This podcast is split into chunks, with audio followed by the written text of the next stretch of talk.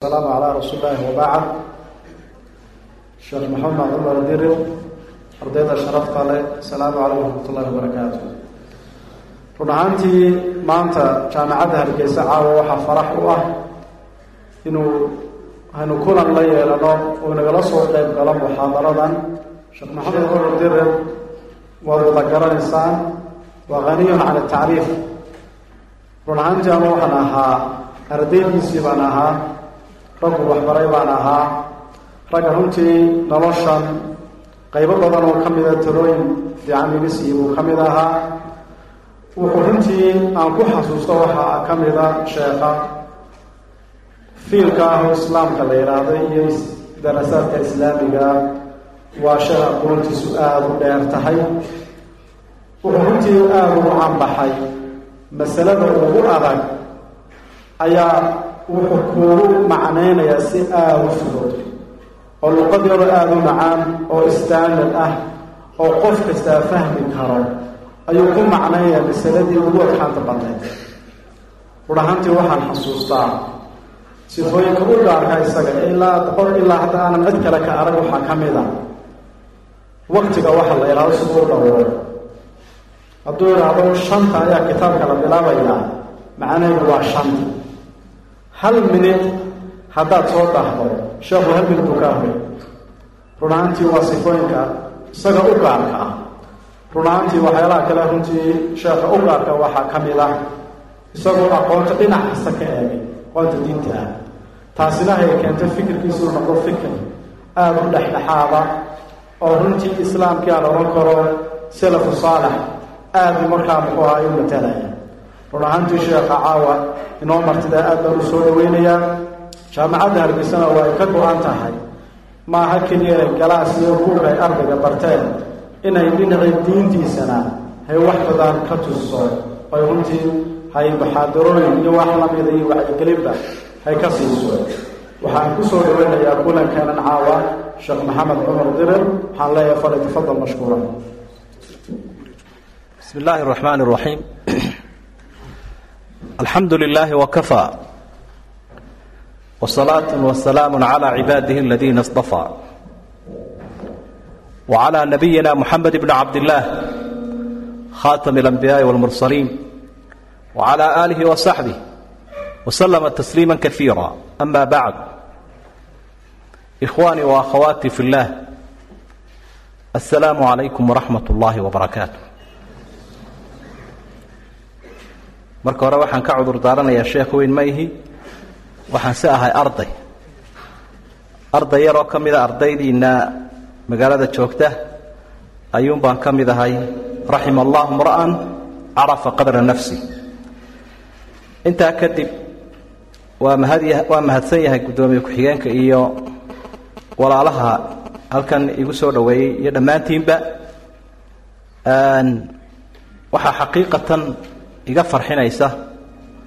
Intaasoo dhallinyaro ah oo rag iyo dumarba leh oo diinta ilaahay in wax looga sheego xiisaynaysa hiya bushraa saara waa bushaaro inaga farxinaysa ama qof kastaoo muslimaba halkii filim lagaga ururi lahaa ama waxyaabo kale oo liita.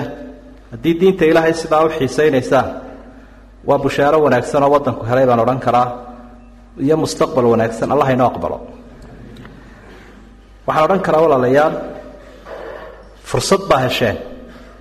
Aan dadkii sideetameeyadii iyo toddobaataneeyadii iyo jaamacadaha ka bixi jiray waddankii la odhan jiray soomaaliya aanay helin. Marka uu yimaado wadaad jaamacadda lagjar ka jeedinaya diiniya ardaydu ay la yimaadaan iyadoon maamulku u oggolaanin. Waxaa dhici jirtay kacaanku inuu dabagalo kadibna ardayda oo buuqaysa oo le wacdiga ha noo wado la tukhaantuqin jira oo laga eri jiray. Marka waa fursad aad iyo aada u qaaliya. In daayartiinani aad jaaniskaa heshaan maamulkiina idinla qaato. Maamulkiina uu daayartiinii ka mid yahay. Waxaa runtii ay tahay fursad kale oo imika laga yaabo qolihii siddeetankii iyo toddobaatankii aan joogin inaydaan idinku aada u dareemayn. Laakiin waa nicmo ilaahayoo aan ilaahayna ka baryayo inaanu inaga celinin uu ino horo inoogu sii wado aamiin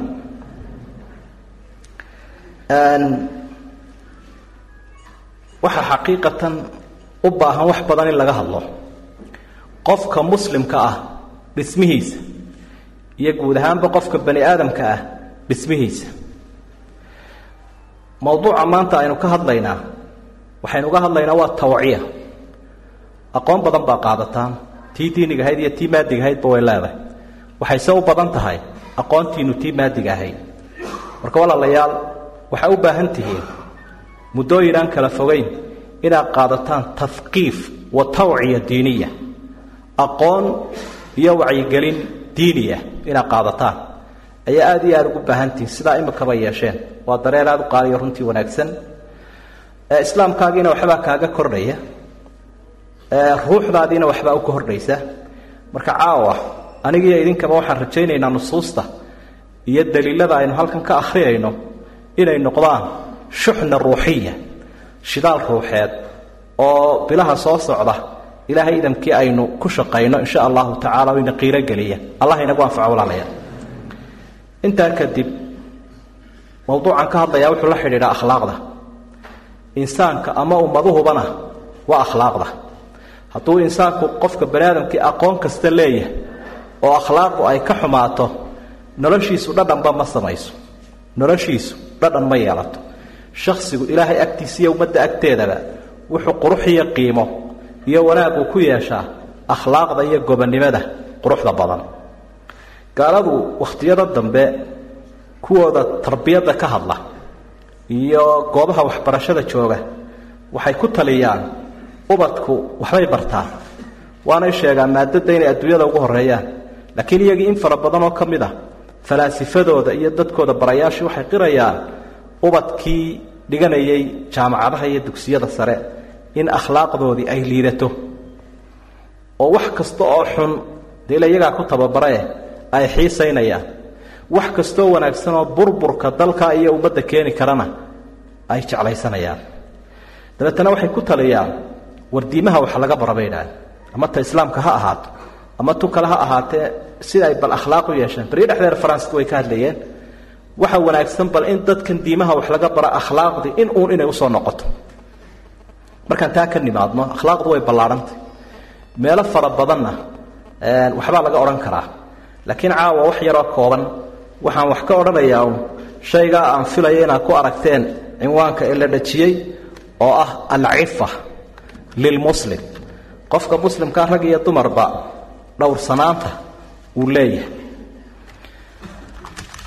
Dhowrsanaantaasi runtii dhinacyo fara badan ayay khusaynaysaa.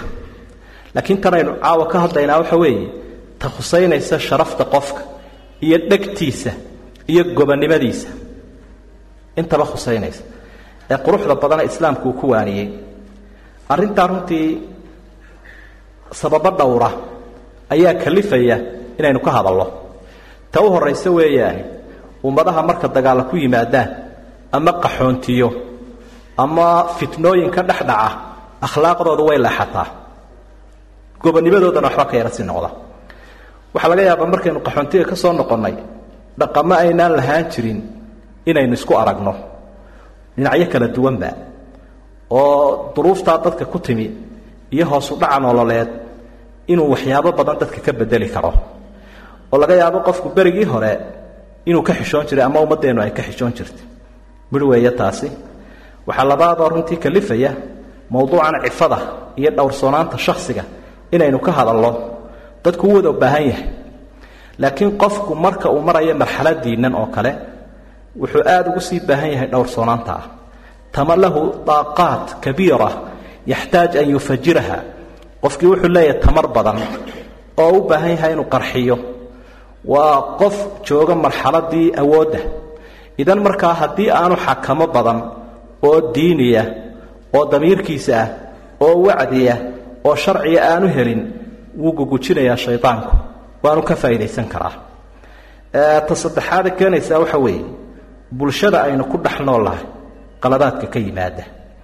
Waxaan waraystay cusbitaalka guud markaan mawduucan ka inkastoo wakhtigu igu yaraa aan soo maroon waraystay waxay ii sheegeen sanadkan iminka labada kun iyo sagaalka boqol iyo koob iyo soddon qof in loo keenay oo la doonayo inay baadho la baadho dadka iyaga ah oo kufsi lagu sameeyey. Markaa bishii maxaa ku beegmaya? Dee bishii dhowr iyo toban qof ayaa ku beegmaya. Dadkaasi waxay isugu jiraan rag iyo dumarba. Ama aan idhaahnee inamo yaryar iyo hablo yaryar. Intaba way leeyihiin dadkaa looga cabanayo in la kufsaday. Dumarkaoo kale saddex iyo lixdan bay sheegeen. Raggana dhalinyar ciyaalka yaryarna koob iyo labaatan bal ka war waxaas dhaqan miynu ahaan jiray. Macnaha waxaan uga jeedaa mawduucani inuu istaahilo in wax laga yidhaahdo. Koob iyo labaatan inan oo yaryar ayaa la leeyahay waa la fara xumeeyey mid baana lagu eedaynayaa isaguba bani aadam ka weyn ah waa qowmuluud camalu qowmiluud wey. Camalkii qowmuluud qofka loola tegayna waa shan jir ilaa shan iyo toban jir wey waxaa iyaduna wax dhibaato badana hablaha yaryar ee kufsigaa lagu sameeyey la soo eedeeyey iyaguna waxay udhexeeyaan shan jir ilaa shan iyo toban jir. Bal shan jir qofka wax ka daya maxaad u malay annagu xafiiska shareecada markaanu joogno iyo fatwada waa naloo keenaa hablo yaryar. Ina yar baa lagu keenaya lagu leeyay kaa waa la fara xumeeyey mid baa xumeeyey. Ina yar baa lagu keenayaa shan jira waxayse noogu yaab badnayd inan toban jir ah oo uurle marka naloo keenay. Fatwada markaa waxaa nalaga weydiinayaa sheekh dee waa tanoo way isku dhimanaysa. Miskaheediina heerkee wax ku dhali lahayd may gaadhin. Midinkaani ku dhacday baana xumeeyey. Ma ka soo ridi karnaa? Fatwada dhinacna laga weydiinaya waa dhinaca dhakhaatiirta qaarkood waxay ii sheegeen ilmo yaroo mayda oo kufsigaa lagu dilay in loo keenay runtii. Dumarkana saddex iyo lixdan ayaa tiradooda ay gaadhay. Waa sanadkan. Sanadihii hore oo kalena sidaa ayuunba ahayd. Waxa iyadana boolisku maanta kamaa soo qaadin oo weli may samaynin ixsaa'iyaadkii may soo koobine sannadkii hore ay sheegeen sodomeeyo inuu ku dhowaanayay carruurta yaryara lagu tuuray magaalada dhexdeeda. Oon magaalooyin kale ahayne magaaladan aynu joogno una. Oo qaarkoodna iyagoo jiiqda haya salaadii hore qofka la hayaa soo qaaday oo xanaanada la geeyey. Qaarkoodna ay dhinteen qaar kalena ay uu cunay. Dadka noocaasi runtii waxay isugu jiraan laba qaybood. Booliska iyo markaad waraysato qolada caafimaadka. Cid waxani ay ka dhab tahay iyo dadka qaarkoodoon badnaynoo iyaguna been abuurad arrintan ula imanayaan been abuurad ayay ula imanayaan been abuuradkaa wax kastaaba ha kalifo laakiin waa sabab iyaduna jirta. Xaqiiqatan oo dhakhaatiirtu ay sheegeen. Way dhacdaabay le macnaa cifadan iyo dhowrsoonaanta iyo qofku inuu karaamadiisa ilaaliyo. Dhinacyo badan bay khusaynaysa dadka qaarkood ama dumarada qaarkood baa noo yimaaday ku odhanayaan iyadoo sheeganaysa uur markaa dhakhtarkii waxay leedahay adigu waxaad ii qortaa inaan uur leeyahay. Dabeedna wuxuu leeyahay dee melihid maxay ku doonaysaa markaa? Mid bay saystaan ama furay ama xuquuq iyo wax noocaasa kolkaasay dabeetana halkaa adiga cid waxba kaa weydiin noo qor. Mid kale waxa ay soo qoraysaa mid kale uur bay qarinaysaa uur dadka aqoonta ule diraaseeyey uur bay qarinaysaa. Uurkaasi dee xumaan buu ku yimid dabcan mid xalaala lama qariyeen. Waalidkii iyo ehelkii waxay moodayaan inay xanuunsanayso. Masey dhakhaatiirtu sheegayaan? Markaa kol dhakhtar baa loo geynaya gaastari buu ka baadhaya kolna wadaadkii kale ee jinka dawaynayaa loo gaadhayaayo qiiq buu ku shidayaa ama dhir buu siinayaa laakiin mushkiladdu waxay fashilmaysaa. Marka aaladii khatar tahayda kombyuutarkii la saaro ayaa ilmihii oo dhaqdhaqaaqaya la arkaya ama kaadidiiba la baadho. Kadibna dadkii marka loo sheego wuxuu leeyahay waalidkii war ma jiro. Waxa aad sheegaysaa ma jiro. Inantayduna arrimaha kuma jirto. Dee ilaa ay fashilaadu marka dambe soo baxdo. Waa arrin dhacda iyaduna. Mararka qaarkood waxaa dhacda. Intay habla inan iyo inan israacaan. In ay ku heshiiyaan xumaan wax ka sii noqdaan kadibna ay eedayso oo ay tidhaahdo wuu ikufsaday iyaduna way dhacdaa. Iyadoo markaa dee la doonayo xoogaa xaal iyo wax in lagu helo. Waxyaabaha cajiibkaa waxaa ka mid eenu annagu aragno eena la weydiiyo. Inan inan baa sheekh isu galmooday oo uur xaaraani ka dhex yimide ma la isu meherin karaa. Mise waxaa la sugayaa inta ay umulayso oo sharcigu ma aqbalayo in la meheriyo marka aad saa u yaro eegta waxaad yaro dareemaysaa odayaasha soo cumaamatee meesha maraya ee doodaya inaanay dhinacan xumaanta la sameeyey waxaaba ka siqsiqaynine. Maxaa xaal la helayaa iyo ku qaata iyo meherka iyo arrimo noocaas bay ka warramayaan waxyaabahaasi kolka ay jiraan ay jirto mar kale waxaan dhaqaninoo ahaan jirin oo ah qof aan laba xumaynin oon kufsi lagu samaynin inuu isla yidhaahdo waa la ikufsaday markay arrimuhu noocaa noqdaan waa waxay kalifaysaa ama daruuri noqonaysa. In mawduuca noocana aada looga hadlo lana baraarujiyo si dadku sharaftooda iyo dhegtooda ay u ilaashadaan. Ummaddana islaamku wuxuu ilaaliyey dhiiggooda iyo maalkooda iyo dhegtooda iyo sharaftooda. Waxaa laga yaabaa sharafxumada soo gaadha jidhkeenna iyo nasabkeenna iyo sharafteenna way ka daran tahay ta maalkeenna iyo soo gaadhaysa jidhkeenna ee dhaawaca ah nin shaaciraa ka gabiyo waxau idhi jiraaxaatu sinaani lhalti'aamu walaa yaltaamu maa jaraxa lisaanu dhaawaca uu geysto waranku ama hubku maalmuu ku bogsadaa. Walaa yaltaamu maa jaraxa lisaan. Laakiin dhaawaca sharafta soo gaadha ee carabku uu dhaawaco ma bogsado isagu. Ee sababaha daraaddood waxaa laga maarmaan noqotay mawduucan wacyigelin badan in laga sameeyo idinkana la idiin sheego aad baan u rajaynayaa dadkii sharafta lahaa da'yarta ahaa quruxda badnaa waxbarashada ku jiray. Inaa idinku tihiinoo waxaas insha allahu tacaala aada idinku yaryahay sababtaynu laakiin u sheegaynaa waxa weeye waxaa noqonaysaan rag iyo dumarba dadkii xambaari lahaa wacyigelinta noocana ile dadkan aynu ka warramaynaa hawada kabay soo dhicine waa ehelkeennii iyo ummaddeennii marka idinku waxaa noqon lahayd risaaladan iyo fariinta dadkii qaadi lahaaye gaadhsiin lahaa baa tihiin ee waxaa la sheegay xaqaa'iqaa gaadhsiin lahaa ehedke ehelkeenna iyo ubadkeenna. Intiina halkaa fadhida haddii qofba saddex qof sii wacyigeliyo dee tiro intaasoo lagu dhuftay baa ka soo baxaysa.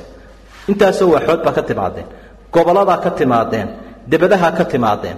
Marka wax waxay noqonaysaa runtii ammaano weynoo aynu gudanno waxna ka bedeli karta sanadka soo socda insha allah alcifa dhowrsanaantu maxay tahay? Dhowrsanaantu dhinacyo badan bay noqotaa laakiin tan aynu caawa ujeednaa waxa weeye xaaraantoo laga dhowrsanaado. Waxay ku tacriifiyeen culimmadu cafa yacifu cafa can alqabiixi waalxaraam wuxuu qofku ka dhowrsaday wax kasta oo xunoo ilaahay u diiday. Waxay culimmada qaarkood ku macneeyeen hiya dabtu nafsi can almalaadi alxayawaaniya. Naftii oo laga xakameeyo sida xayawaanku u malafsado ama uu wax u dhadhamiyo oo kale. Oo qofka bani aadamka ah iyo xayawaanku way kala duwan yihiin xayawaanku cafiif maaha ma dhowrsana. Baahidiisa wuxuu u gutaa siduu u laakiin qofka bani aadamkaa waxba xakamaynaya idan wuu dhowrsoon yahay. Waxay culimmadu leeyihiin si kale haddii loo eego xaalatun mutawasita bayna asharah wa jumuudi shahwa. Waa xaalad u dhaxaysa mamanaanta ama kakanaanta iyo ka dhacsanaanta oo qofki inaanu xaaraantiina ku kanakanaanin xalaashiina ka dhicin. Laakiin xalaasha uu ku egaado.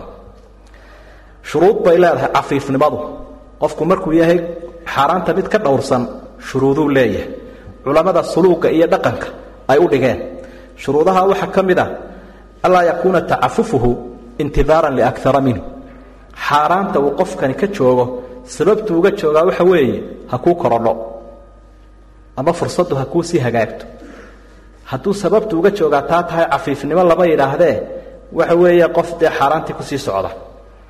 Shuruudaha waxaa ka mid ah inaanu waxaan isaga daynin isagoo aan kari karayn.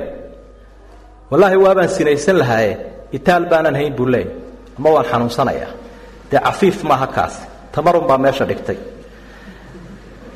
Aw ana aw aw liannahu laa yuwaafiquh ama wuxuu leeyahay waana ii qalmin qofkaasie oo isku mustawaanan ahayne xunbaa samayn lahaa.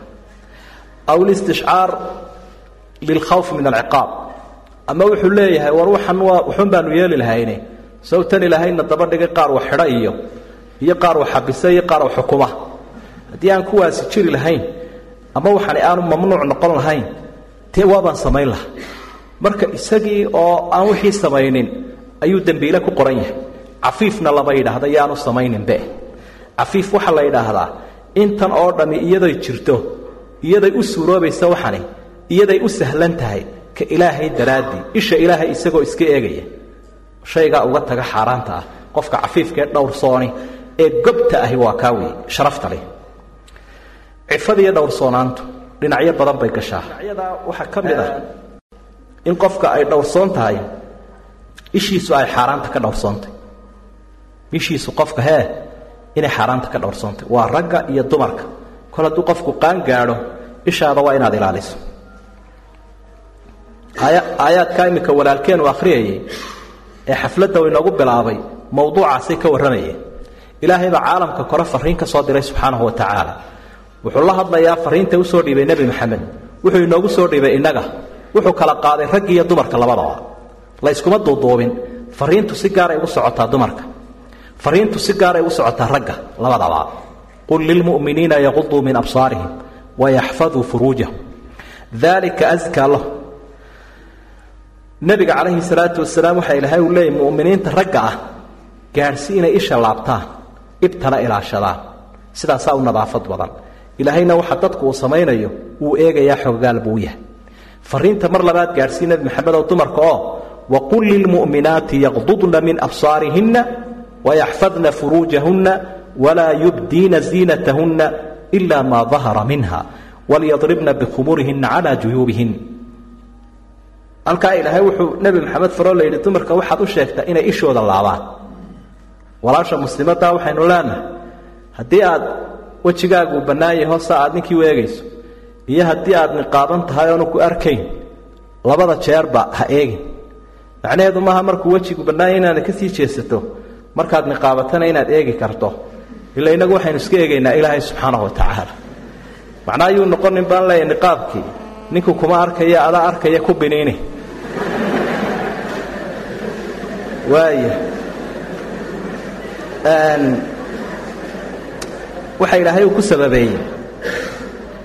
Cawradana in la asturo.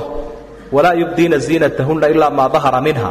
Quruxda yay muujinin structurekaa guud iyo qofka muuqaalkiisa wixii ka muuqda mooyaane. Qofku jooggiisa ma qarin karo. Inanta jooggale maxaan ku idhahdaa xubnaheedu si yihiin dabcan marada dusheeda waxba ka muuqanaya. Taa ma qarin karayso laakiin quruxdii iyo bilicdii yay soo saareen. Khimaarkooda iyo asturaaddoodana dusha ha saareen. Dardaarankaa jidhka oo la asturo ah ayaa ilaahay si gaara uu siiyey subxaana wa tacaala dumarka hablaheennaasi ay ka mid yihiin. Eegmadu walaalayl wax la sahashan kara maaha. Nebi maxamed tarbiyad buu siin jiray da'yartii innaga oo kale aha. Ama inaga sii yaryaraaba xadiidka saxiixii wuxuu tilmaamayaa maalin maalmaha ka mid a asxaabigii fadlu bnu cabbaas la odhanayay ayaa nebiga la socday. Gaadiidku la fuushanaa.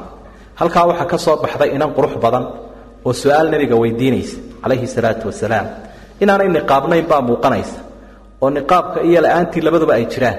Hadday niqaabantahy dee muu eegeenba marka inantii su'aal bay nebiga weydiisay inankii fadli oo quraysh ahaa isaguna inantiibuu eegay. Iyana way eegtay. Labadoodii baa is eegay. Markaa nebigu kolkuu arkay eegmadii inay sillanaatay inankuu xaggaa u jeediyey muu daynini waa arrin laynooga baahan yahay. Haddaad aragta inantiio inankii ku maqan ama inankiio inantii eegaya waanaad tidhaa walaalka dah.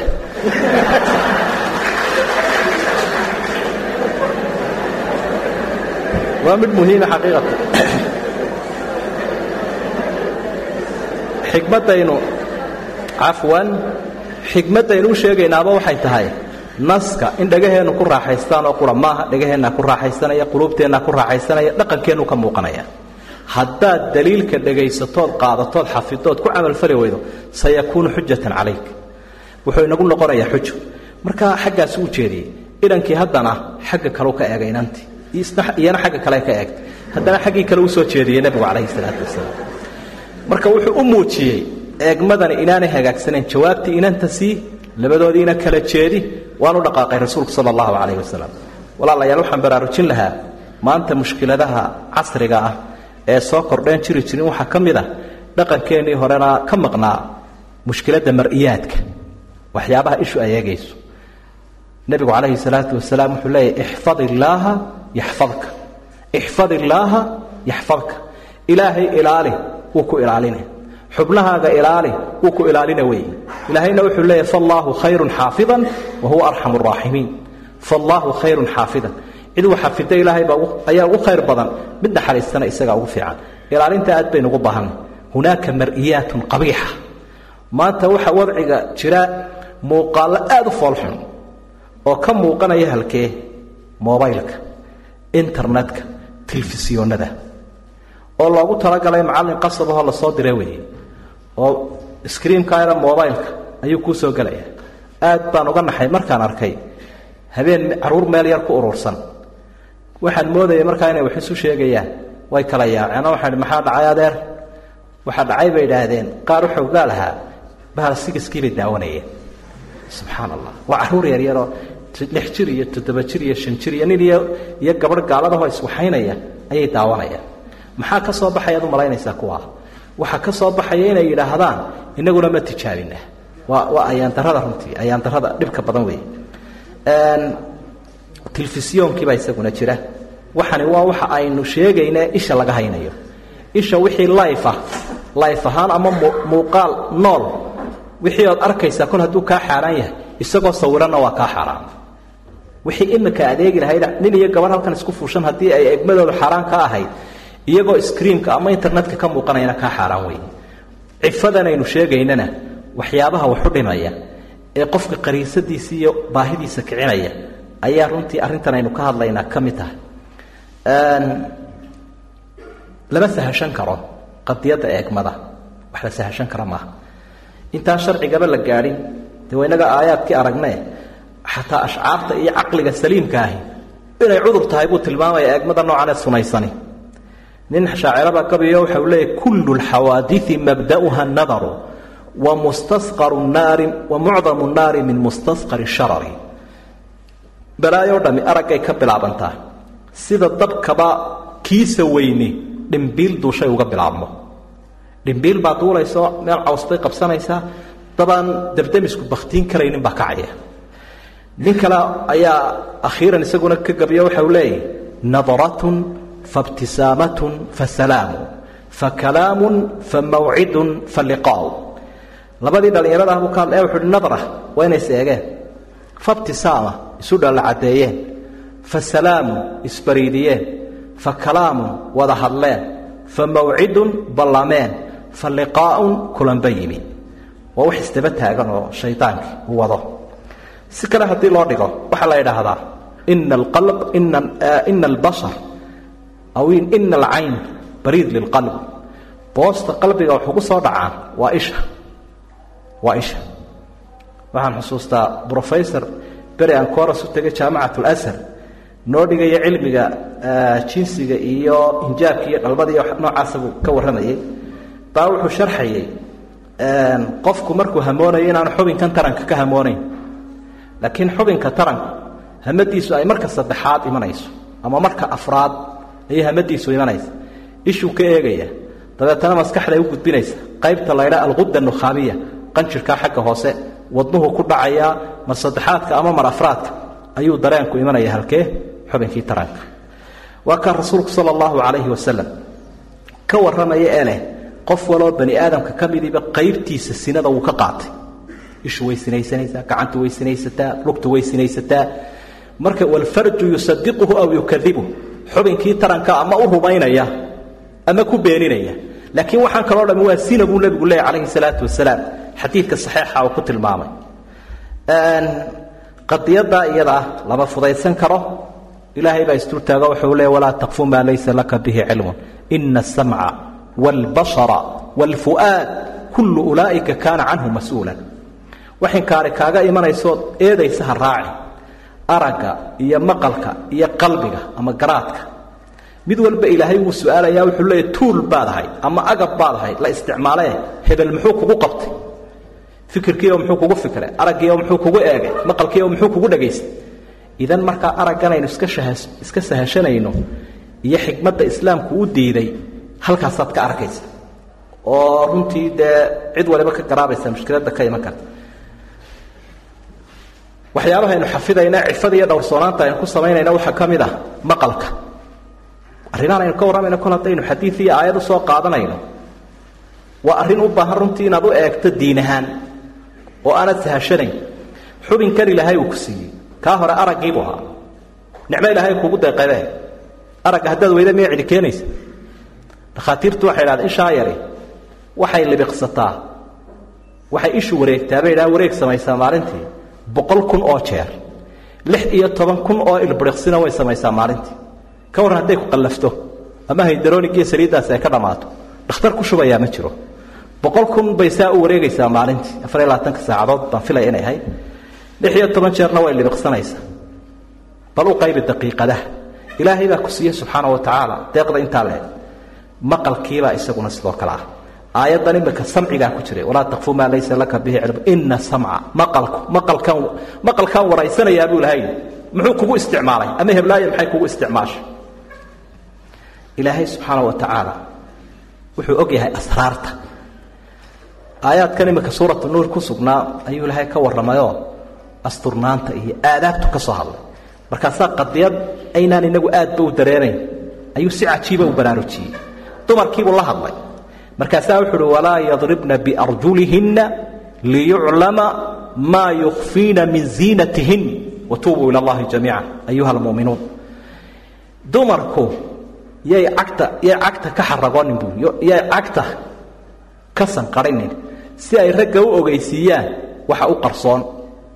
Waa waxaynaan inagu dareensanaynba carabtu waxay lahaan jireen wax la khalkhaal. Khalkhaalku waa muriyad cagta lagu xidhayo qoobka. Marka inantu marka ay socoto ama ay ciyaarta marayso ayay cagta dhulka ku dhufanaysa. Dabeetana wuu jalalamlaynaya marka waxay sheegaysaa xaragadayda iyo dahabkaygu dushoo qura kuma ege eh ilaa taxadkana wuu socday. Oo wuu jiraa.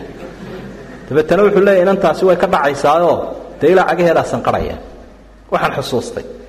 Markaad waddamada gaaladii aad u martaa waxaad adigoo halkan iska fadhiya ayuunbaad maqlaysaa un kurub kurub kurub kurub inan show gashan ayaa agtaada maraysa oo laalida qaadaysa marka iyada laftigeeda sanqadhaasi waa wax keeni kara.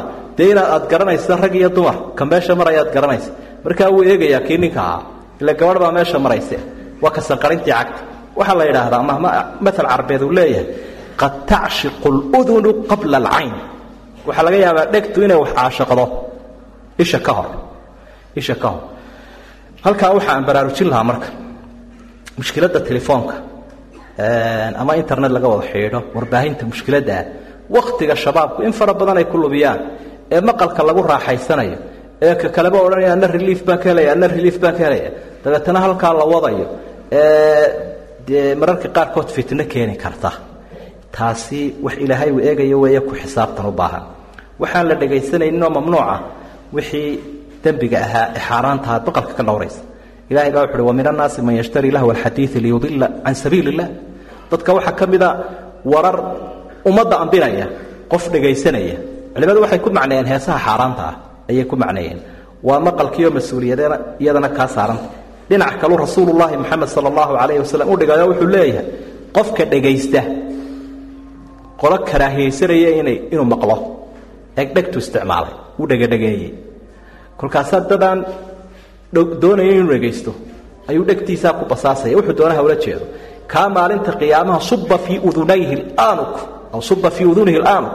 Waxaa dhegta lagaga shubayaa naxaas dhalaashan maxay ka reebi naxaas dhalaashan maxay ka reebi idan markaa qofku wuxuu leeyahay xurmo iyo karaamo. Wixii u gaara in la dhegaysto maaha. Sidaa daraaddeed baa rasuulku uu ka digayaa khatarta kee iman karta dhegta.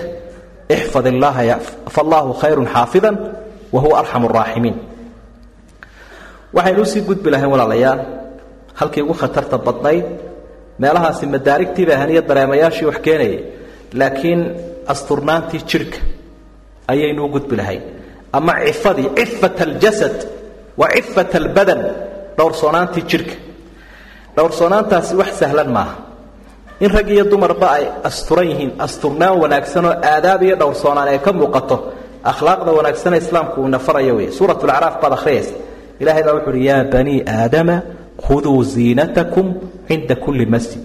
Ilmo bani aadamoo mar kastoo cibaadaysanaysaan quruxdiinna qaata mar kaluu ku celiyay rabbiyo waxau idhi yaa banii aadama qad anzalnaa calaykum libaasan yuwaarii saw'aatikum wa libaasu taqwa daalika khayr. Ilmo bani aadama waxaan idiin soo dejiyey dhar aa cawrada ku asturtaan iyo midaa ku xaragootaan oo bilic ah. Laakiin dharka alla kacabsigaa ka khayr badan. Maxaad halkaa ka fahamtay jidhkeennaasi siduu ugu baahan yahay cifo iyo asturnaan ayay ruuxdeennuna ugu baahan tahay asturnaan idan markaa cafiifnimadani waa dharka ruuxda. Sida dharkaniba jidhka u qariyo. Cafiifnimadu markaa ta aynu ka warramaynaa. Waa libaasu taqwa bay soo gelaysa mar kale ilaahay wuxu uhi qul man xarama ziinat allahi alatii akhraja licibaadi dadka yaa ka xaaraantinimeeyo o u diidi kara quruxda. Intanoo aayadood waxaynu u soo daliishanaynaa asturnaantu waa qurux qaawanaantuna waa foolxumo. Halka ummadaha qaarkood ay doonayaan caalamka inay ka dhaadhiciyaan ama dadka in qaawanaantu qurux qofkoo la faydoo nigis loo geliyo. Koow asturnaantuna badownimo ay tahay. Ziina iyo qurux ayaa ilaahay uu ku tilmaamay intaasoo aayadoodba. Dumarkana si gaar ula hadlayoo fariintana waxaa loo soo mariyey. Dhambaalwalihii ugu weynaa ama ergadii ugu weynooda rasuulka ilaahaya qul liaswaajika wabanaatika wanisaa'i lmu'miniina yudniina calayhina min jalaabiibihina dalika adnaa an yucrafna falaa yuudayn. Nebi maxamedoo dumarkaaga ooryahaaga hablahaaga ummadda islaamka u sheeg inay jidhkooda qariyaan. Daalika adnaa an yucrafna. Taasi waxay u dhowdahay in la garta gobonimadooda qofka ilaa iyo qofka kalaa lagu kala garanaya qofkii asturnaantiisa walyadribna bikhumurihina calaa juyuubihin. Ha isqariyeen. Aayadahaasoo dhan waxay tilmaamayaan xishoodka qiimaha badan ee qofka muslimkaa looga baahan yahay cafiifnimada. Qofku wuu qurux badan yahay intuu asturan yahay. Intuu asturan yahay wuu qurux badan yahay. Markuu qaawan yahayna wuu foolxun yahay. Waxaan la diili karayn wey qur'aankeenna kariimkaah siyaabo badan buu dadka waxu tusiyaa gabadh baa ilaahay ka warramuu qur'aanka ku xusay. Nebi muuse u timid. Ina shucayb baa lagu sheegaa. Qolyaha qaarkoodna waxay leen nin wanaagsan buu ahaa shucayb mu ahayn. Inantu ina wanaagsan ba ahayd nebi muusey doontay u yeedhaysa. Markaa ilaahay wuxuu ka warbixiyu hoosta ka xariiqu si gaara u tilmaamay inanta muuqaalkeeda markaasaa wuxuu uhi fajaa'atu ixdaahumaa tamshi cala istixyaa. Qaalat ina abii yadcuuka liyajziyaka ajra maa saqayta lana labadii hablood ee ariga u waraabiyey suuratulqasas baad ka akhriyaysa ku dheeraan maayo qisada. Mid ka mida nebi muuse ku soo noqotayoo gobonnimadiisiibay uga jawaabaysa iyo cafiifnimadiisa iyo dhowrsoonaantiisa markaasaa ilaahay wuxuu tilmaamay muuqaalkeedii tamshi cala istixyaa. Waxay timi iyada oo xishoonaysa. Iyada oo xishoonaysa ayay u timi nebi muuse. Marka waa kuwa culimada tafsiirku sharxe ee way sii jeesatayoo way khajishayoo afkay marada saartay oo sii jeed bay ugu sheegtay waxay doontaa ugu sheegtay laakiin imanka aayaddu midhkaynu calaamadinayna waxa wey tamshi cala istixyaa. Iyadoo xishoonaysaoo asturan bay u timi suuratu nuur ilahay wuxuu ku sheegay hooyooyinka. Hooyooyinka waaweyn. Islaamaha aynu nidhaahno xagga xijaabka inay ka yar fududayn karaan inanta. Inanta shabadda ah inay ka yar fududayn karta xijaabka. Oo siiba marka ay guriga joogaan amaba meelaha ay joogaan kii weynaa ee inantu gashanaysa iyadu inay ka yara fududayn karto iyadoo cawradeedii dabcan asturanta. Waalqawaacidu min annisaai allatii laa yarjuuna nikaaxa falaysa calayhina junaaxun an yadacna iyaabahun hayra mutabarijaatin biziina wa an yastacfifna khayrun lahun. Ilaahay baa wuxuu ihi way dhigi karaan xijaabka sare ee weyn iyagoo dabcan asturan laakiin inay iska dhowrsoonaadaan wa an yastacfifna baan uga jeedaa ilaan cifadii baynu ka warramaynay. Inay iska dhowrsoonaadaan baa uga wanaagsan inay waxuun yaro faydfaytaan ilan iyadaba odayuunbaa eegi karaya waaya taasi waa asturnaantii xagga jidhka waxaynu u soo gudbi lahayd markaa alcifatu fi lfarj xubinka taranka iyo ilaalinta uu qofku ilaalinayo. Haddaad adigu u haysato shay u baahan in laga aamuso oo iska yaro hoos hoosahoo aan la sheeg sheeginoo laga xishoodo. Oo intee aayada sheegaya intee xadiis sheegaya? Qadiyat alfarji farjiga siduu qur'aanku uga hadlay iyo xubinka taranka inaad ilaashato oo see looga aamusaya. Hiya akhtaru aslixati shayطaani lilinsaan.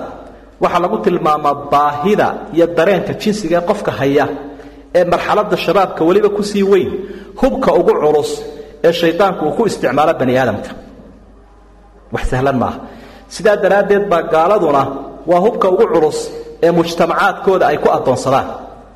Si aan mujtamacu ugu soo jeesanin oo tabartooda aanay ugula soo jeesanin waxaa laga dhargiyey baahyaha markaasaa waxaa la yidhi dee qofku dhanku doonaya haw rido. Xalaal iyo xaaraan rag iyo dumar haynaga jeestada uun. Waxyaabahay ummadaha ku dilaan nimanka yuhuudda ah ururadoodu ayay ka mid tahay ishbaacu lilinsaan qofka bani aadamka in la baahidaada dhargi oo xaaraanta loo badiyo oo taa aan loo sahlin oo loo miinin bal intanoo aayadood aynu eegno waynu soo marnay labadii aayadoode hore rag iyo dumarka ilaahay uu kula hadlayay qul lilmu'miniina yaquduu min absaarihim wayaxfaduu furuujahum waqul lilmu'minaati yaqduuna min absaarihina wayaxfadna furuujahumna farjigu waa maxay? Waa xubinka ragga iyo xubinka dumarka labadaba. Ha ilaaliya si gaaru ilahay isu dultaagaya mar kale ilaahay wuxuu ihi waalxaafidiina furuujahum waalxaafidaat ragga iyo dumarka muminiintuu ilaahay tirinaya sifooyin badan badan oo tobanay leeyihiin markaasuu liiskaa wuxuu ku daray qaaliga awliyada ilaahay ku noqdeen waa kuwa xubnahooda xaaraanta ka ilaashada ee cafiifiinta ahe dhowrsoon. Wuxuu ilaahay la hadlay dhallinyaradii rag iyo dumarba kuwii aan guursan karaynin kuwii aan guursan karayna dareenkanina ku jiro. Qofku isweydiin karaa wuxuu odhan karaa war niyo dareenkan maa laga siibado dadka oo dadku ay malaa'igtaba u egaadaan. May aynu wuxuun iska barannaba eh. Casharadunbaa baran lahayno waynu saahidi lahayne laakiin xikmadda ilaahay siaa may keenina ilaahay bani aadamka wuxuu ugu abuuray baahidan si loo tarmadee haddii aanay baahidani jirin dee qarnigii hore lagu dabargo'i laha lama tarmeenba lama tarmeen. Marka laakiin waxaa la doonayaa un si saxa inay u socoto. Wuxuu ilaahay la hadlay qofkii baahidani haysay ee guursan kari waayey dhaqaalo la'aan daraaddeed. Ayaa ilaahay uu tala siiyo waxau ihi amar siiyey waliyastacfif aladiina laa yajiduuna nikaaxan xataa yugniyahum allahu min fadlih ha iska dhowrsoonaadeen kuwii aan guursan karaynin ilaa ilaahay fadligiisu u furmayo ardayay waxaan idiin sheegayaa haddii aayaddaa dabiqdaan oo niyootaan ilaahay daraaddii inaad u dhowrsoonaato ilaahay ballanqaadkiisaana waad helaysa xataa yugniyahum allahu min fadli lacagtiioo soconaysa shaqadiioo soconaysa tacliintiioo soconaysa fahmadiioo soconaysa waxoo dhan ba ilahay buu kugu miisaya oo uu kuu laakiin amarkuun fuli walyastacfif isticfaaf. Qofku cafiif ha noqdo. Anna fadligayga waan siin buu lahay hadduu cafiif noqon waayu noqdo qof khaliicana dee fadligii ilahay baa weydaaranaya. Waxa ilaahay uu ka hadluu aada uga digay. Niman munaafiqiin aha madiine joogay oo hablo yaryar kirayn jiray. Addoommay kirayn jireen waxay odhan jireen si kacoo soo sinayso oo soo ururi wax soo saarkee siday dee dowladaha qaarkoodba cashuur uga qaadaan ay idhahdaan caafimaadkeeduna iyagoo suuqa ku sii daaya markaasaa ilahay wuxuu uhi walaa tukrihuu fatayaatikum cala albiqaa'i in aradna taxasuna. Hablihiinna ha ku qasbina sino.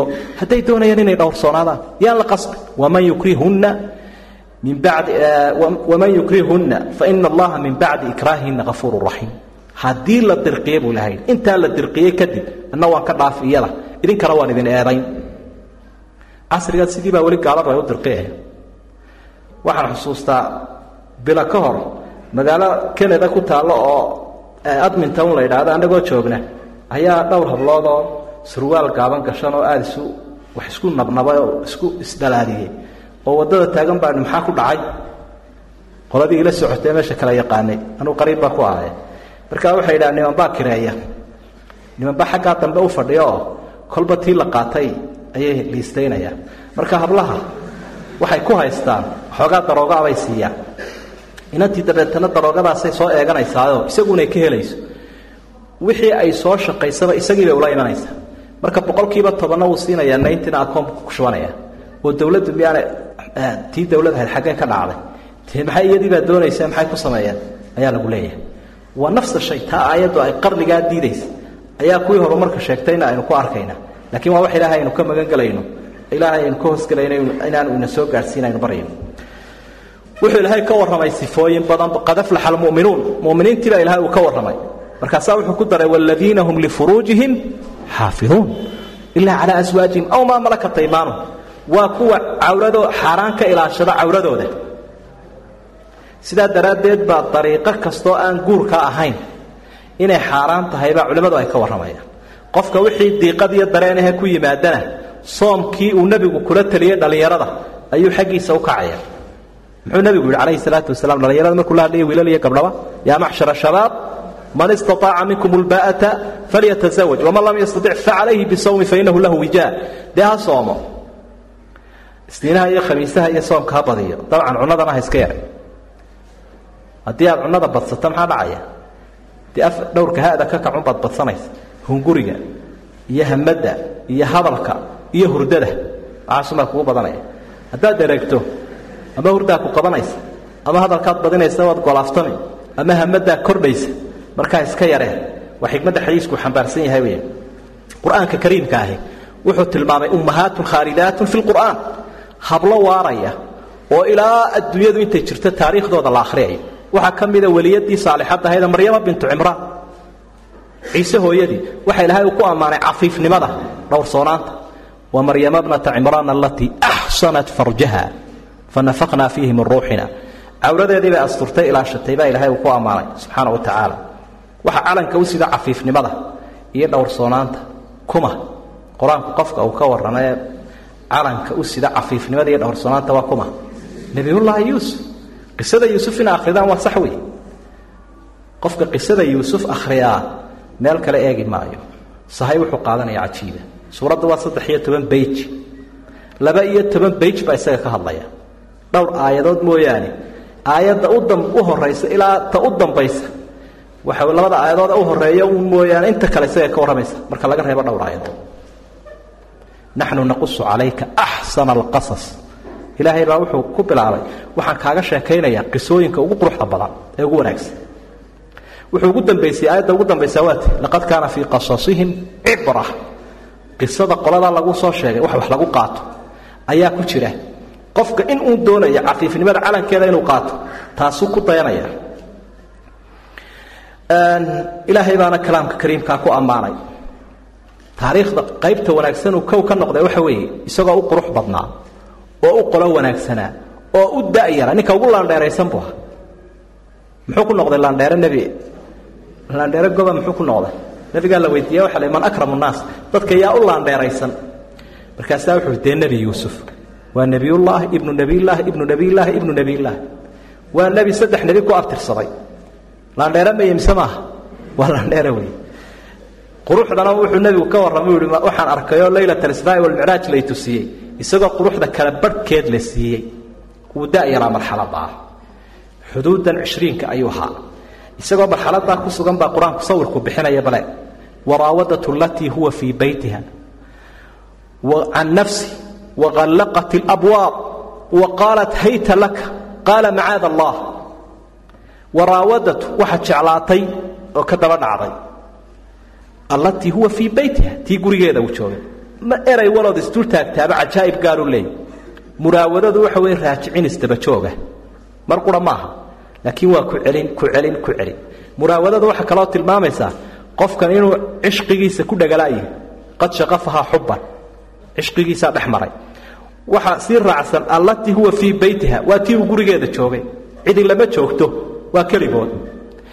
Maxay ka doontay? Ma lacagi siibay leedahay mise i shaqee? Maya can nafsihi. Isaga laftiisay ku jahaysanta shaqadii ma aha hawl kalena ma aha. Laakiin waa can nafsihi isagay ka doonaysa waxaa sii daba socda bal inta ninkan wax ku ururee. Waqallaqat ilabwaab albaabadii bay soo xidhay. Cidina soo jidhaaba ma jirtaba. Dumarku arrimaha ka dhawaajintooda xishoodkooda u diida. Laakiin tani halkay maraysay daraaddeed. Way ka dhaw. Layr iyo waxunbay shidi jireen dumarku. Laakiin tani afkay ka dhawaaqo markaasaa maxay leedahay? Hayta laka waar bal kaalay. Waar kaalay bay afka ka dhawaajisay dumarku kooda xalaasha adaanay u yeedhin baa la ydhahdaa oo aanay odhanin hebelow tu xaraamay iska daada waxyaabaa ilaahay ku asturay intu ayay ka mid yihiin dee qof qof mooyaane. Intaasoo arrimood oo jira oo ilahay ui walaqad hammat bihi way doonto. Ayaa isaguna wuxuu la soo taagay macaada allah. Wuu firdhanayaa. Wastabaqa albaab waqadad qabiisa. Intay taw yidhaahdeen ayaa ay ku soo dhegaysaa waxay jaraysaa. Albaabkiibuu bal isleeyahy meel meelun magan gal wuu sii cararaya qur'aanku wuxuu ka warramaya in gabadha wax kufsan karto. Marka cifadan iyo xishoodkani dhinto dee kufsatee maxay ka guri? Waxalla waxay ka guraysaa ma jiro. Waaya ilaahayna wuxuu uhi kadalika linasrifa canhu suu. Cafiifkaana waxaan la ag inaan ilaaliyo. Anaa ilaalinaya baa ilahay uri innahu min cibaadina almukhlasiin. Dadkan hufay ee aan hagaajiyey buu ahaa. Walaalayaal cafiifnimadu ama dhowrsoonaanta arrimahan jinsigaa qofkuu ka dhowrsoon yahay. Qiimaha ay leeyihiin daraaddeed markhaatiga u weyn ayaa ilaahay uu siiyaa. Markhaatiga u weyn waa ilaahay.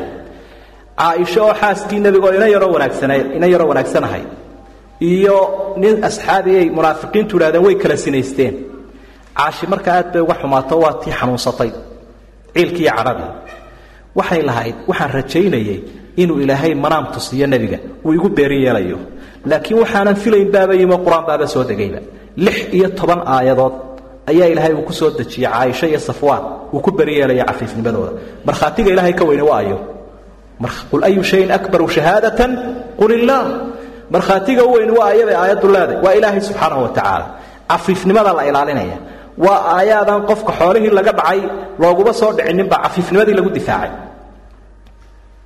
mar kale markhaatiga ilaahay oo cafiifnimada ku ilaaliya waa midhyaa badan. Midhyaa badan weeye dadka had iyo jeer yaraanta ku hadlay intooda badani waxay u markhaati furayaanay difaacayaan oo ilaahay uu ku difaacay cafiifnimada. Cafiifnimadu ilahay ku difaacay. Bal maryamo bintu cimraan eeg. Intaynaan maryamo gaadhin waxaad eegtaa qisadan imika aynu soo marayno nebi yuusuf maxaa lagu beri yeelay ilahay wuxu uhi washahida shaahidun min ahliha. Wanjal bay samaysay tii saliikhe la odhanayay. Markii ninkii boqorkaa uu ku soo baxay iyagoo albaabka isla maraya ayay xagga kale ugu rogtay. Markaasaa waxay tidhi maa jazaau man araada biahlika suu'an ilaa an yusjana. Waxay idhaahdaan dadka qaarkood markay arrimaha taxliilinayaan fikirka degdegaa bay idhah raggiiyo dumarka.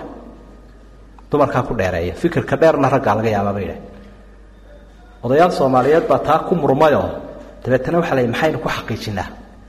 Waa niman martiyo had iyo jeer martiduna marka wakhti dheer ay helaan. Waa kuwa haasaawaha iyo sheekaday badiyaan. Dee waxaynu ku xaqiijinaynaa inantan inoo soo socota iminka raashinka soo siidaa bal adigu hebelow waxaad u gashaa gulucdan albaabka hoostiisa waa aqalkii laba daryaalaha ahaa shalladkii yaraa halkaa hoostiisa u galoo ku dheg. Waxaa ka soo baxaynu eegaya inaa idinku heshaan iyo inaanu anagu helo. Ninkiibaa inantiioo caanihii soo sido aqalka la soo gasho doonaysa inay dhigto ayuu ku dhegay. Halkaa naaskiya meeshaa ayuu ku dhegay. Ila waa nin markaa wax hubinaya markaasay qayliso waxay tihi way ti maxaa dhacay baa leeyihi intoo lagu soo kaco waxay tihi inankanoo meesha fadhiyaan caanaha kula kufi gaadhay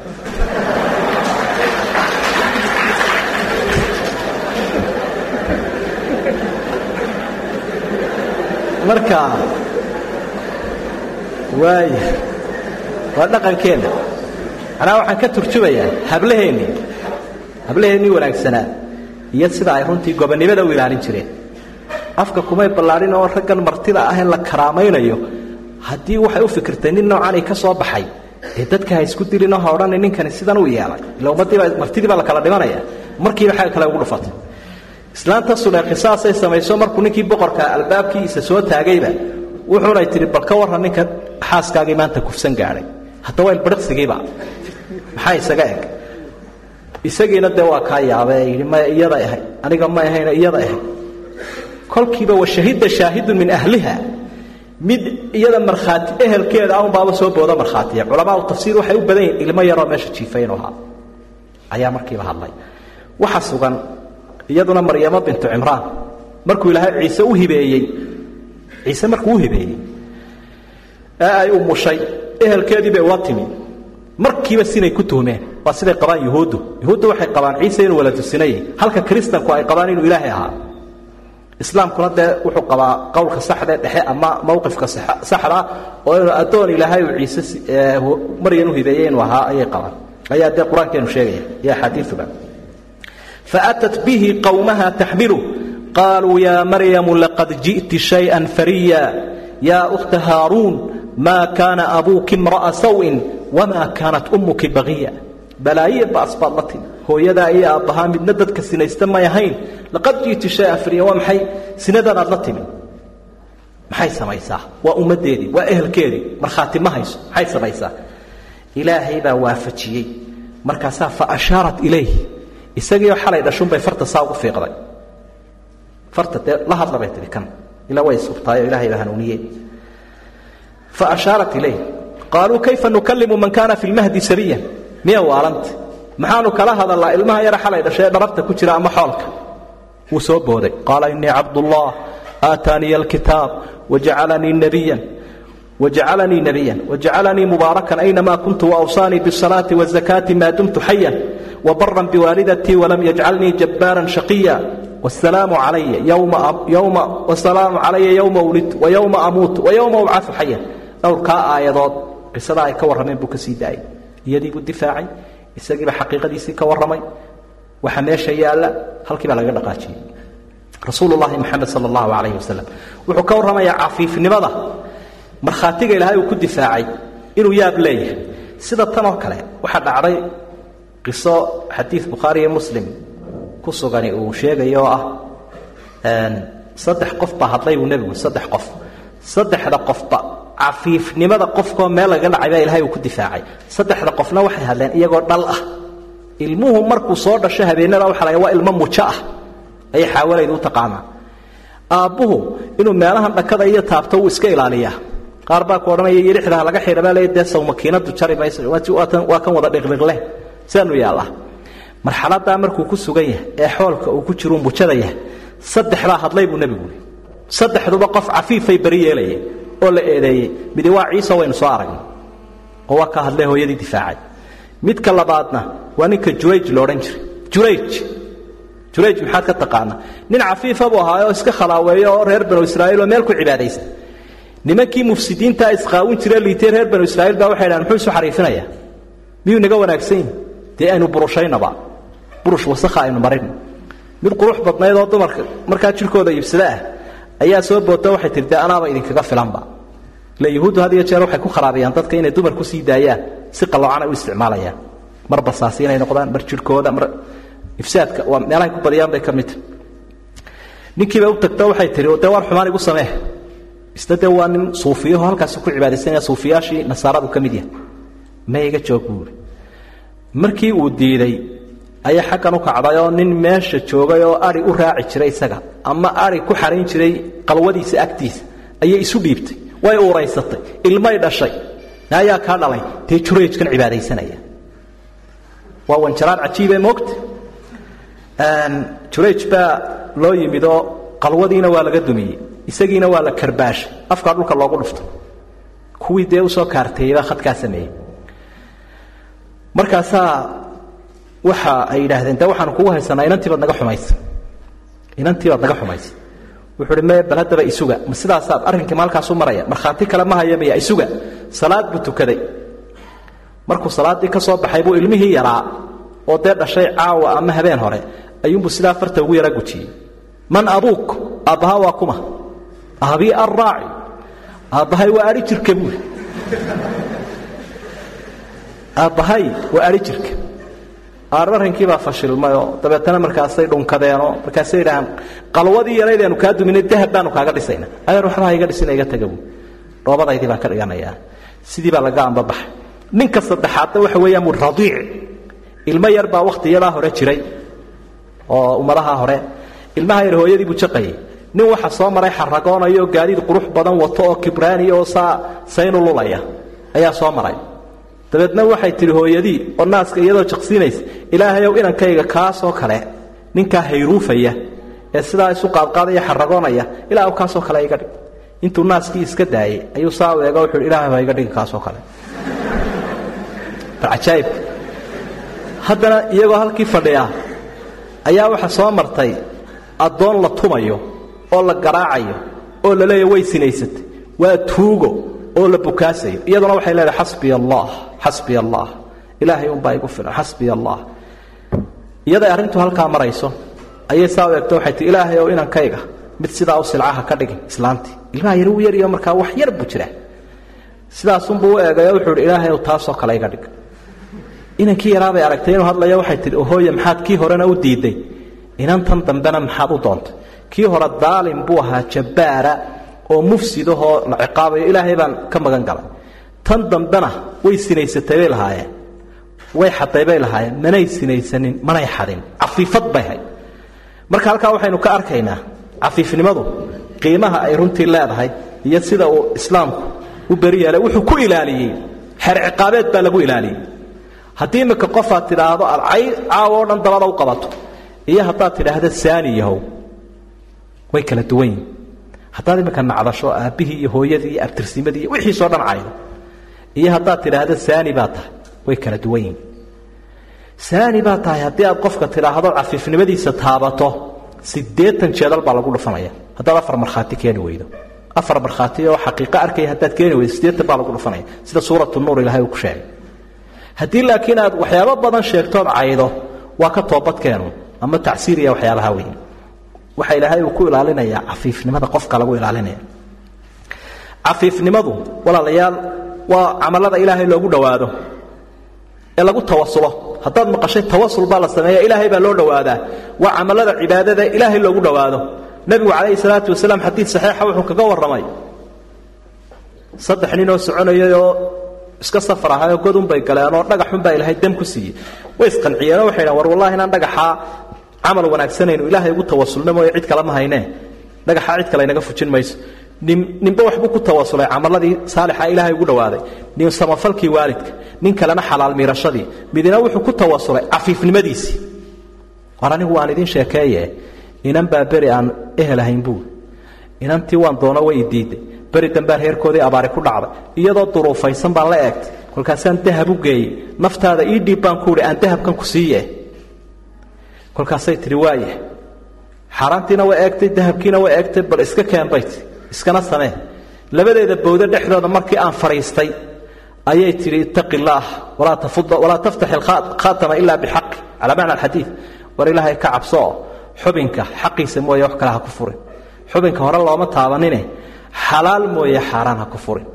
Halkaa marka aan marayaabaan naxay buui markaasaan ka kacay. Ilaahay daraaddi ilaahayow haddaan daraaddaa uga kacay bahasha naga fuji. Dhagaxii baa naga fujiyo waa kuwii tegey.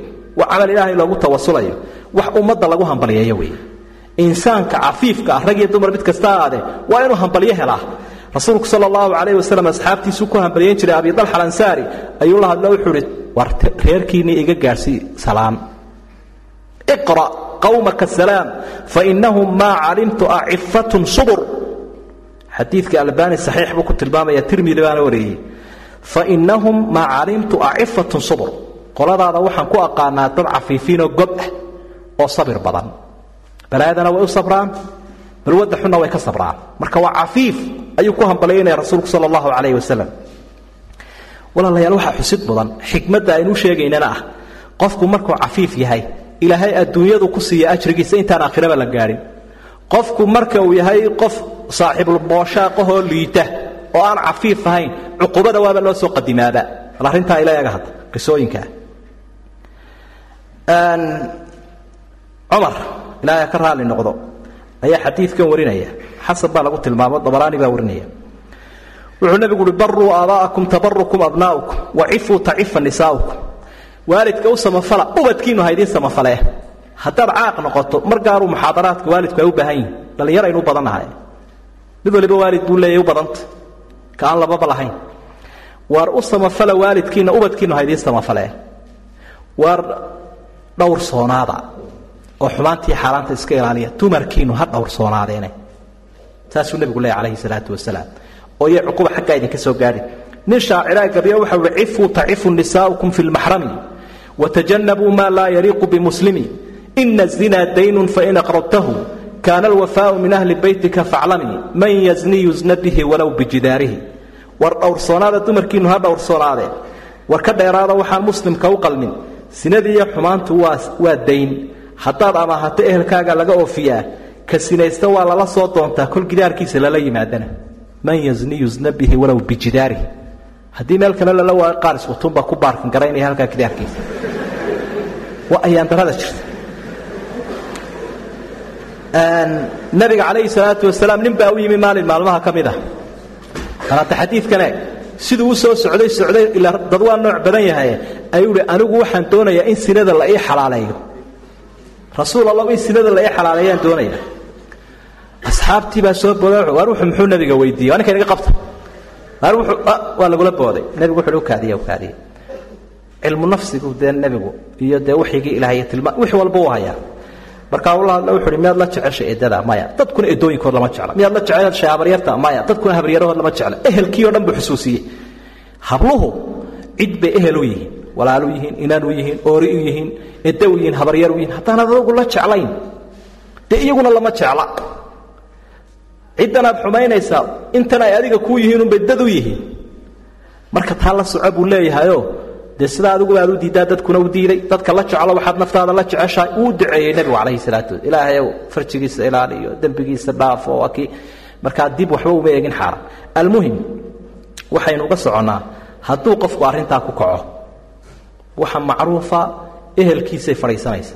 Hadday inantu ku kacdo inamadoodaa laga oo inan xumayso inan inankooda ayay ka go-antay hadduu isagu inan xumeeyana inantooday ka go-antay idan markaa hadduu oori xumeeyo ooridiisay ka go-antay ayaa darooyinka jira wey haddii qofkani uu dhowrsoonaadana ilaahay baa ifka ku ilaalinaya subxaanahu wa tacaala abaalmarina uu helaya qisooyin yaryaraan soo qaadano waxa dhacday wakhtiyadii hore ee madaxda muslimiintu ay jireen. Shareecadana la oogi jiray. Xeer la fulin jiray. Aada looga baqi jiray sinada. Ayaa ninbaa alaabuu iibinayay. Dadkan had iyo jeer dukaanka ku sida degta dee way iska jireen wakhti walba ee cadarka iyo alaabta iyo waxyaabaha yarra wanaagsan iibiya xaafad buu soo galayoo markaasuu yihi alaabtan iga iibiyo gabadh baa tidhi hore u soo soco waaya ma intanaad haysaa? Waayoo xidhayba albaabkii sidan suleekhadan qur'aanku kaga warramoo kale. Kadibna waxay tidhi qisada kutubaha qaarkood bay ku qorantay. Waxay tidhi wax kale ma jire. Dee ama sinaad igu samaynaysa ama wuunan dhawaaqaya dabeedna waaba lagu tooganba dhagax baa laguu dili. Labadaasunbaad kala dooranaysa. Ma iga daabu iga sii daayo killigan aad madaxa ii gelisa iga saar. Ha ka yaabin bay tii waan kugu hayaa waan kugu hayaayo ku sii dayn maayo. Markuu fikiray fikirayba uu dareemayaa markaa. Iyaduna waa laga yaaba madaxtooyadii waxaa dadkaas waxay ka agdhowday awoodda leh. Dadka awoodda leh ka agdhow dareemaya. Baliyarsugu buuriyo xamaamkii waa kee? Xamaamkiibuu galay. Wuxuu soo qaatay markaa saxaradii meesha. Ayuu gacanta u riday oo jidhkiibuu wada mariyey iyadu waxay islahayd saabun cadar buu soo marsanaya wuu soo dhalaalinaya dabeetana isagoo isa soo rinjiyeeyey oo wasakdiisa soo mariyey ayuu ihi dee way kan? Aridhaafunbay tii waad uraysaaye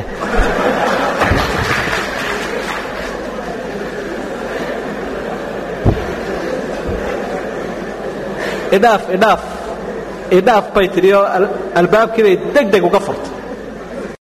Ninkii dabcan dee udihii ama saxaradii baa saarsaaran suuqiina waa loo eriyo u baxoo dee uma oggolaanaysa inu iska maydho ilaahay bedel buu siiyeyoo wax alla wixii saaraaba cadar iyo miski isu rogay. Subxaana allah allahu akbar. Cadar iyo miski ayaa wixii saaraa ay isu rogeenoo markaasi udgoonaaday kuwuu sii agmaraaba maxaa kaa uraya? Ma cadar baad isku jabisay waan iska cadarsanahay. Wuu agmaraa cadarkii wuu ka goy waaye dharku bedelayaa dharka. Jidhku ka sii urayaa. Wuu dhintay. Xabaashiiba ayaa cadar soo fuuxaysa. Xabaasha laftigeedii baa udgoon iska daa noloshiisa cadaraa loo bixiyey fi dunya waalaakhira intii uu noolaana wuu udgoon yahay. Markuu dhintayna wuu udgoon yahay. Cadaraa ninkii loo bixiyey. Waa qisatu cadara loo yaqaana qiso kale waa cafiifnimada iyo sida ilaahay u difaacayo. Wakhtigii axmed ibnu xambal ayaa gabadhi dhimatay. Dumarka dee maydkooda dumar unbaa maydha. Iyadoo oo gabadh ay maydhayso ayaa kelmad bay ku dhawaaqdayoo markii u istijaynaysa maydkaa ayaa waxay tii allah kan maxay ku qaraaftay? Bal ka warran. Kan qaraafka waad garanaysaa? Alla kan maxay obration ku fulisay gacanteedii ayaa ku dhegtay. Gacanteedii ayaa xubinkii maydkaee taranka ayay gacantii ugu istijaynaysa ku dhegtay. Dee wakhtigaasoo kale aqoon baa loo baahan yahay. Axmed ibnu xambal baa loo tegey. Dabeetana waxaa la yidhi dee labaa isku dhegan mid nool iyo mid ayaa isku dhegay halkan. Axmed xakiim buu ahaa aqoonna wuu lahaa. Ruuxdiisuna dee way sarrayso saaxibulmadhab ninkii madhabta qoray xanaabilada wuxuu idhi bal weydiiya waxay tidhi. Eraygii bay ka dhawaajisay ilaa waxba qarin kari mayso way fashilantahay wallaahi kelmadaasaa iga soo baxday. Haddaba xadulqadafkii uga jaraa buui siddeetankii jeedal un ku dhuftay. Siddeetankii baa lagu dhuftay calaa tuul. Way sii daysay gacanta siddeetan maaha saddex boqol bay abaal ku qabtaa. Ilaa waxay maraysay in gacanteeda la gooyo. Ayay marayso jinaasada lala aaso. Walaalayaal halkaa waxaad ka arkaysaa cifadoo la taabta cuqubada ka soo degdegaysa. Iyo cifada oo la ilaaliyo. Abaalmarinta degdega ee ka imanaysa. Cafiifnimada wax cajiiba weeye.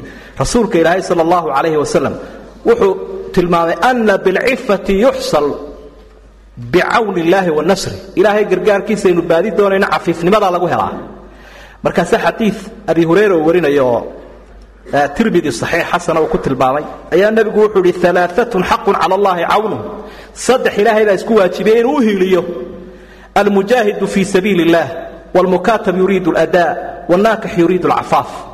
Qofka jihaadka ku jira ee ilaahay daraaddii u jihaadaya iyo qofka addoonkee naftiisa xoraynaya iyo qofka u guursaday si uu sina iyo xaaraan uga dhowrsanaado. Annaakix yuriidu alcafaaf waa qof guursaday oo isla sina iska ilaali. Rag iyo dumar midku doonaya haado kaana ilaahay wuxuu isku waajibiyey inuu isgarab taago. Udubcad xunshana xoolamoodday baa laydhah qofkaas wakhtigaa uu baahan yahay wax lagu taro.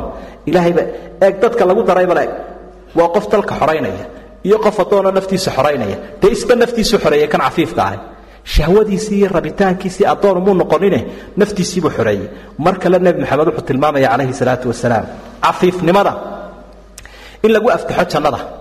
Jannada dadkao dhammi ha isu taga eh saddexbaa aftaxaya buu nebigu awlawiyat aljanna. Curida calaya walu alaaثatin yadkhuluuna aljanna. Shahiid wa cafiifun mutacafif wa cabdun axsana cibaadat allah wanasaxa limawaaliih. Saddexbaa jannada aftaxaya waa mujaahidkii shahiiday iyo cafiifun mutacafif qof dhowrsoonoo isa sii dhowray ilaahayna wuu dhowraystan wuu dadaalaya iyo qof cibaadada wanaajiyey. Ee xorriyaddii naftiisu hantay. Cafiifnimada waxaa lagu mutaystaa ilaahay agtiisa iyo ummadda agteedaba sharaf iyo hormuudnimo iyo hadhka ilaahay. Rasuulku toddoba ayuu tilmaamay ilaahay maalinta qiyaamaha u hadhaynaya toddobadaa maxaa ku jiray? Sabcatun yudiluhum allahu fii dilihi yowma laa dilla ilaa diluhu waxaa ku jiray toddobadaa wa rajulun dacatu imra'atun daatu mansabin wa jamaal. Faqaala innii akhaafu allah nin ay u yeedhatay gabadh qolo iyo quruxbala hadday doonayso adduunyana lahoo yidhi ilaahay baan ka cabsanaya. Sidaa nebi yuusuf. Xagga kale u rog. Inan hadduu nin u yeedho qolo iyo qurux iyo adduunba leh oo iyaduna ay tiraa ilaahay baan ka cabsanaya. Sida hablaha aynu ka soo warramaynay iyana halkaasay gelaysa ugu dambayn rasuulka ilaahay ballanqaad buu qaaday dammaanad buu qaaday wuxuu idhi laba qofka ii dammaanad qaada. Aniguna jannaan u dammaanad qaadaya. Waa saxeexaan soo noqod lahayn. Man yadman lii maa bayna laxyayhi wamaa bayna fakhilayhi adman lahu ljanna. Waryaa ii yaboohayabuun inuu ilaaliyu xaaraan ka ilaaliyo qofka afkiisa labada fuq waxa ku dhex jiro carabka ah iyo labada bowda waxa ku dhex jiroo la garanayo. Ka labadaa ii damaanad qaada anuguna jannaan u damaanad qaadaya. Ilaahay kuwa haynaga yeelo asalaamu calaykum waraxmat wabarakaatu السلام عليكم وعليكم السلام وعليكم السلام ورحمة الله تعالى وبركاته kusoo dhowaada alqur'aan studio oo aad uga barateen duubis casri ah iyo adeeg hufan alqur'aan studio wuxuu kuu keenay bokisyo originaal ah qur'aanka kariimka ah. Sida sudaysi shuraym madruud cabduladuud cabdilbaasit qaliil xasri mucaysane iyo subacyada cilmaawdiinka soomaaliyeed alqur'aan studio wuxuu kuu suurtageliyey inuu kugu duubo cajaladahaaga yaryar muddo laba daqiiqa gudahood ayagoo adeegsanaya qalab casri ah degdegsiima leh fasiixnimo loo daayey. Waxaad kaloo ka heli kartaa duubista cajaladaha siidiyada alqur'aan studio waxay kaloo diyaar idinla tahay inay idin duubto xafladihiina islaamiga ah. Alqur'aan studio oo kugu soo dhowaynaya gacmo furan iyo qaymo ku raaligeliya alqur'aan studio wuxuu ku yaalaa isu imaadka ama isgoyska afarta waddo ee kala ah waddada weyn ee telekom soomaaliya ka timaada ama olembik iyo midda ka timaada bacadaha weyn ee suuqa bakaaraha iyo midda ka timaada masaajidka weyn ee masjid macalin dimaalo iyo midda ka timaada suuqa weyn ee daawada. Isgoyskaas ayaad ka arki kartaa tabeelo uu ku qoran yahay alqur'aan studio. Haddaba hore u soo gaar alqur'aan studio. Kala soo xiriir teleefanada kale ah ama labaatan iyo shan eber shan lixdan iyo afar ama sagaashan iyo laba toban iyo toddoba eber sagaal ama konton iyo sagaal labaatan lixdan asalaamu calaykum waraxmat ullaahi tacaala wabarakaatu